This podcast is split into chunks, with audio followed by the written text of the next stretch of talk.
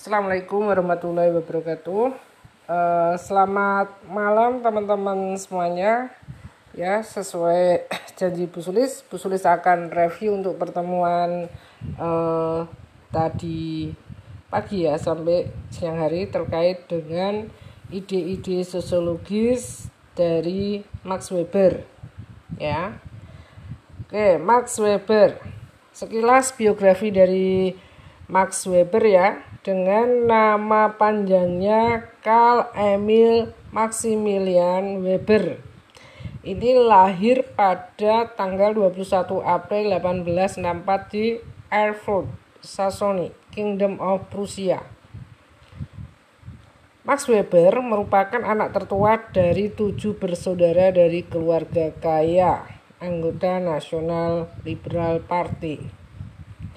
Max Weber dan seorang wanita imigran yang terkenal dengan ide-ide moral absolut yaitu Helen Wallenstein pernah merasa bosan terhadap guru-gurunya di sekolah dan Weber kecil secara diam-diam ternyata membaca 40 jilid buku Goethe.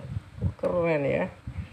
Oke Masa kecil Max Weber ini sangat dipengaruhi oleh konflik keluarga antara ayahnya yang dikenal sangat mencintai duniawi dengan ibunya, seorang penganut taat Calvinisme yang mementingkan kehidupan asketis. Pendidikan Max Weber ini eh, Max Weber masuk di Universitas Heidelberg sebagai mahasiswa ilmu hukum. Nah, setelah hamil wajib militer selama setahun, Weber memutuskan pindah ke Universitas Berlin. Tahun 1886, ia lulus ujian tentang sistem hukum Inggris dan Amerika. Kemudian melanjutkan studi tentang hukum dan sejarah.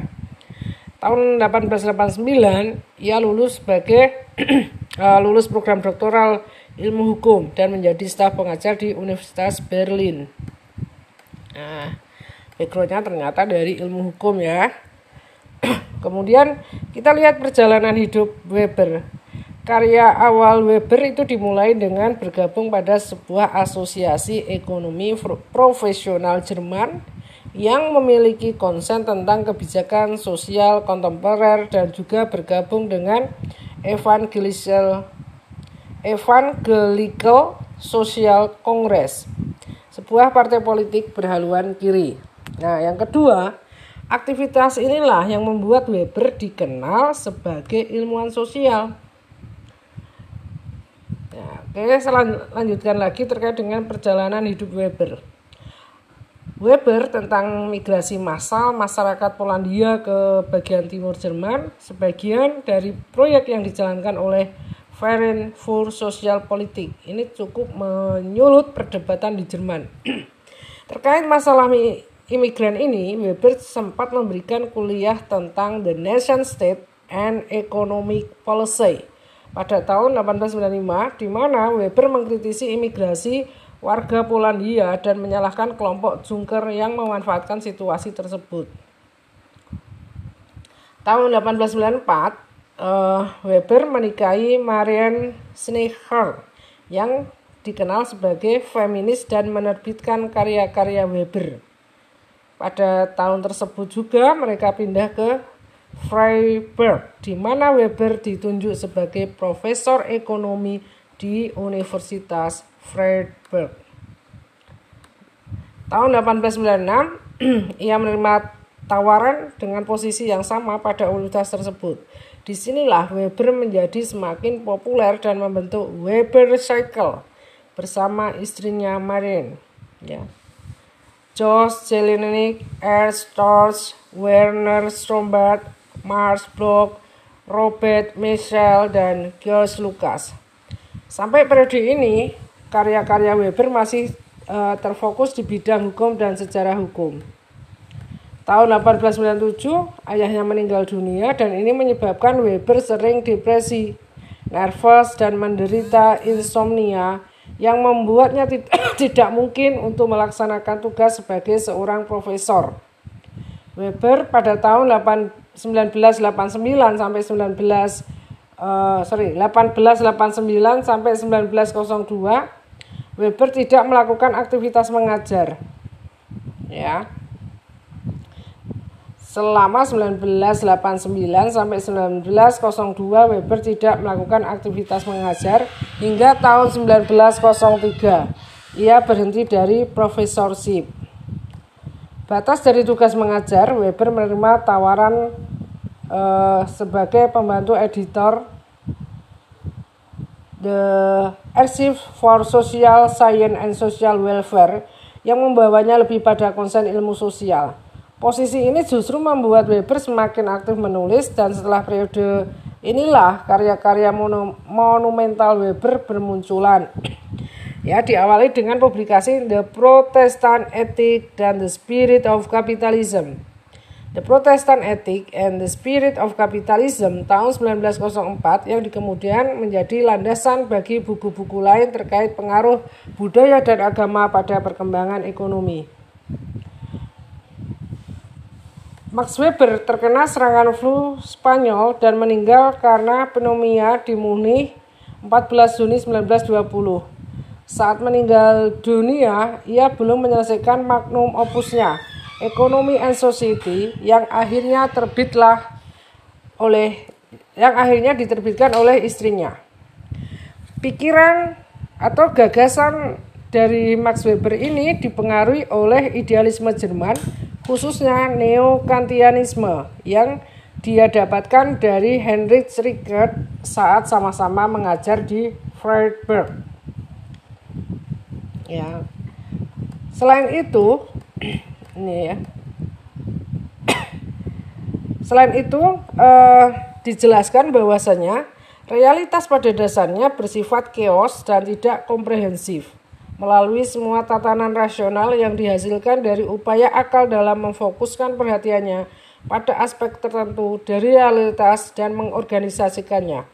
Maka dihasilkanlah persepsi, hampir sejalan dengan pemikiran Josimel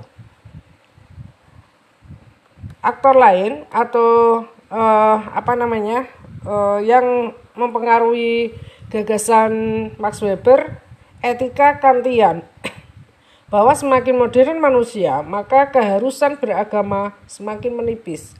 Ada nuansa pengaruh Nietzsche di sini. Kemudian karya-karya Karl Marx ini jelas mempengaruhi cara berpikir dari Max Weber. Pemikiran tentang dominasi birokrasi atas kemerdekaan dan kebebasan manusia. Doktrin-doktrin Calvinisme yang dipraktekkan oleh ibunya. Nah, kita lihat bagaimana uh, gagasan atau ide-ide sosiologi dari Max Weber terkait pertama terkait dengan objektivitas ilmu sosial. Ya. Objektivitas ilmu sosial. Nah, ini terkait dengan rasionalisasi. Menurut Max Weber, Rasionalisasi itu mencakup tiga hal yang penting. Pertama, kalkulasi untung rugi individu. Yang kedua, model organisasi birokratis. Yang ketiga, pandangan tentang realitas bukan melalui jalan misteri dan magic.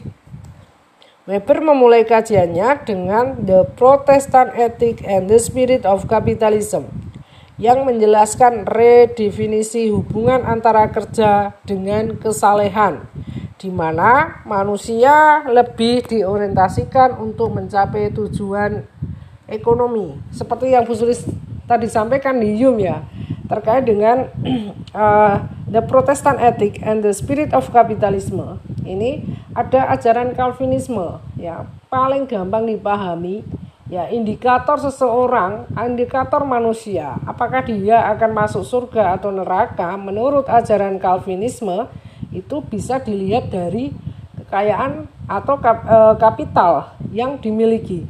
Kalau seseorang itu kaya berarti indikasinya dia akan masuk surga. Tetapi kalau miskin, nah indikasinya masuk neraka. Itulah yang kemudian membangkitkan semangat kapitalisme di Eropa pada masa itu. Orang-orang berbondong-bondong berlomba-lomba untuk mengumpulkan kapital sebanyak-banyaknya dan ini menjadi bibit dari munculnya kapitalisme di Eropa. Nah, dalam bukunya The Etika Protestan tadi, Ide ini kemudian dikembangkan dalam karya-karya beliau selanjutnya terkait dengan kajian birokrasi dan tiga model otoritas karismatik, tradisional, ya, dan legal rasional. Teori tentang birokrasi dengan tiga model otoritas karismatik, tradisional, dan legal rasional. Konsep calling dalam doktrin Calvinisme menurut Weber ini mendorong, ya ini kembali ke etika protestan tadi, Doktrin Calvinisme menurut Weber mendorong manusia untuk meraih kesuksesan dunia sebagai tanda keselamatan, salvation di akhirat nantinya. Nah, seperti yang sudah sampaikan tadi, simple ya, mau lihat. Kalau uh, apa namanya indikasi mendapatkan surga dilihat dari kehidupan duniawinya kaya atau enggak? Nah kalau kaya berarti surga kalau miskin neraka. Nah inilah yang uh, dalam bahasa Weber ini mendorong manusia untuk meraih kesuksesan di dunia sebagai tanda keselamatan di akhirat nantinya orang-orang manusia pada abad 18-19 itu kemudian berlomba-lomba ya mengumpulkan kekayaan sebanyak-banyaknya dan ini menjadi sumber dari bibit kapitalisme. Profit harus direinvestasikan demi pengembangan usaha daripada sekedar dipakai secara konsumtif. Nah, dalam konteks ini, Weber memberikan landasan justifikasi agama untuk mencari keuntungan, bukan sekedar ambisi. Nah, oke, kita lihat bagaimana model organisasi birokratis merupakan wujud dari rasionalisasi administrasi. Ciri-cirinya seperti apa ya? Kita lihat di sini ada peran-peran yang semakin terspesialisasi. Ada rekrutmen didasarkan pada e, merit ya, diuji melalui kompetisi terbuka. Kemudian peraturan yang seragam tentang penempatan, promosi, dan transfer dalam sistem administrasi. Kepangkatan dengan struktur gaji yang di, yang sistematis, hierarki, tanggung jawab dan akuntabilitas, aturan disiplin dan kontrol yang ketat. Adanya supremasi hukum, otoritas bersifat impersonal dan netralitas politik. Nah, ini terkait dengan model organisasi birokrasi. Weber juga memberikan kontribusi terkait dengan uh, kajian sosiologi agama. Weber's work in the field of sociology of religion started with the essay the Protestant ethic and the spirit of capitalism and continue with the analysis of the religion of China, Confucianism and Taoism, the religion of India, the sociology of Hinduism and Buddhism, and ancient Judaism. Nah, Weber juga meneliti tentang agama Kristen dan Islam, namun belum selesai, sudah keburu meninggal dunia. Fokus kajian ini tentu untuk melihat bagaimana keterkaitan antara agama dengan perkembangan ekonomi, work ethics. Nah, ini teman-teman nanti bisa mengkaji lebih lanjut ya bagaimana keterkaitan antara agama dan ekonomi. Oke. Kontribusi Weber yang lain adalah dalam politik dan pemerintahan. Dalam bidang politik, dalam bidang sosiologi politik, salah satu kontribusi Weber ada tulisannya dalam uh, Politics as Vocation. Kemudian di dalamnya Weber juga memaparkan definisi state atau negara sebagai entitas yang memiliki makna uh, delegatable monopoly on the legitimate use of physical force. Dunia politik bukanlah dunia yang cocok bagi sains, orang su suci atau kiai. Nah, Weber membedakan tiga tipe ideal kepemimpinan atau leadership atau yang sering disebut juga tiga tipe dominasi, legitimasi atau otoritas. Pertama, charismatic domination, kemudian traditional domination, yang ketiga legal domination. Yang pertama charismatic domination ini terkait dengan familial and religious. Ya, terkait dengan keluarga dan agama. Traditional domination ini ada patriarki, patrimonialism, and feudalism. Dan terakhir adalah legal domination, modern law and state, ya birokrasi. Oke. Weber mendefinisikan sosiologi sebagai ilmu tentang tindakan sosial manusia. Ia membagi tindakan manusia tradisional, affectional, value rasional and instrumental. Nah, itu eh, terkait gagasan dari Max Weber ya. Teman-teman nanti bisa melakukan elaborasi lebih lanjut lagi dengan karya-karya Max Weber lainnya. Ya, kontribusi Weber tadi kalau dari apa yang sudah Bu Sulis review pertama dalam kajian sosiologi ekonomi iya sosiologi politik masuk ya kan? Terus terkait dengan sosiologi agama bagaimana relasi antara agama dan ekonomi? Nah itu teman-teman semuanya. Terima kasih untuk kerjasamanya selama ini Bu Sulis sangat mengapresiasi atas tugas-tugas kalian yang luar biasa, presentasi dari tiap kelompok yang top ya, keren ya, baik dalam bentuk video ataupun poster yang sudah diupload di Instagram. Keren-keren semuanya. Ya. Sukses selalu buat kalian semuanya dan uh, minggu ini adalah minggu terakhir untuk perjumpaan teori sosiologi klasik ya kita ketemu setelah lebaran ya. Selamat lebaran ya, selamat Idul Fitri 1442 bersama keluarga. Bu Sulis titip salam buat orang tua kalian semuanya. Salam hormat. Semoga Bapak Ibu kalian selalu sehat ya dan tentunya kalian semakin happy, semakin semangat untuk belajar sosiologi. Mohon maaf lahir dan batin. Sampai ketemu di uh, minggu setelah Lebaran ya. Tetap semangat, be healthy, and selalu uh, sehat. Assalamualaikum warahmatullahi wabarakatuh.